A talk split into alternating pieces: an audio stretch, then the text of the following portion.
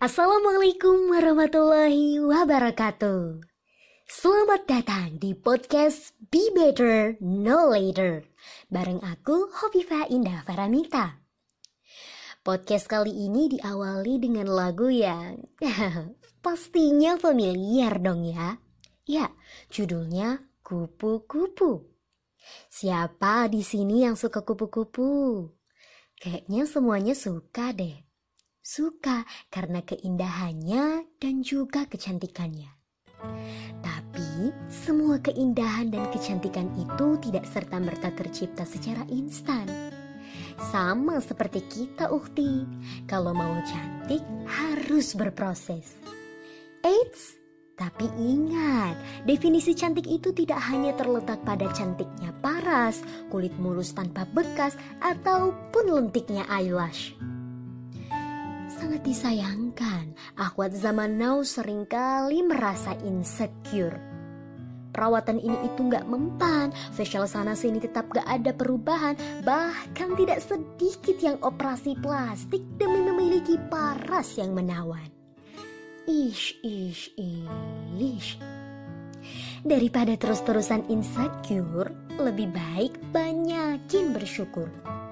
Jangan terlalu sibuk mempercantik fisik, tapi lupa memantaskan diri untuk menjadi insan yang lebih baik. Terkadang, bahkan sering kali wanita itu berpikir, ih gimana mau dapet jodoh? Kita aja belum mulus, belum cantik, masih gini-gini aja, masih jerawatan aja, bla bla bla bla bla bla. Ukti, Duhai saudariku, Allah sudah menjamin bahwa wanita yang baik untuk lelaki yang baik pula. Jadi, don't worry, karena Allah pasti memberikan kita yang terbaik kalau kita juga berusaha menjadi yang terbaik. So, teruslah perbaiki dirimu berproses dan berubah ke arah yang lebih baik karena Allah tidak akan merubah keadaan suatu kaum sebelum mereka mengubah keadaan mereka sendiri. Sibukkan dirimu untuk memantaskan diri, mempercantik hati, lebih dekat pada ilahi, dan boboti dirimu dengan ilmu bermanfaat yang harus terus kau gali. Sayangnya, masih ada saja yang berdalih, nanti ah, nunggu hidayah datang aja. Onde mande. Hidayah itu bukan untuk ditunggu saudariku, tapi hidayah itu harus dijemput dan diusahakan. Karena kita tidak pernah tahu seberapa lama kita singgah di dunia yang fana ini. Nah, mumpung masih ada waktu, yuk kita perbaiki diri, siapkan bekal terbaik untuk di akhirat nanti. Mari berubah ke arah yang lebih baik. Belajarlah dari kupu-kupu. Oh ya, masih ingat kan dengan kata metamorfosis? Pasti masih inget dong ya.